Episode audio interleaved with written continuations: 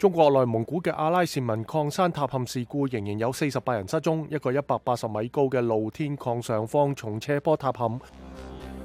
美国同欧盟敦促联合国一百九十三个成员国投票支持乌克兰和平决议案。俄罗斯常驻联合国代表话：西方国家准备要整个世界陷入战争嘅深渊。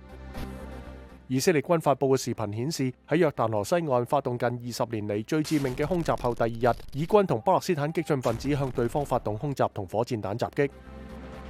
被炸损坏嘅克里米亚大桥已经重新开放，原定喺二零二三年七月完工嘅维修工作提前完成。之前嘅爆炸导致部分路段塌陷入海。布基纳法索喺首都雅加道古重新安葬民族英雄托马斯桑卡拉嘅遺體。佢喺一九八七年遇害，遺體之前埋葬喺雅加道古郊區一座墓地。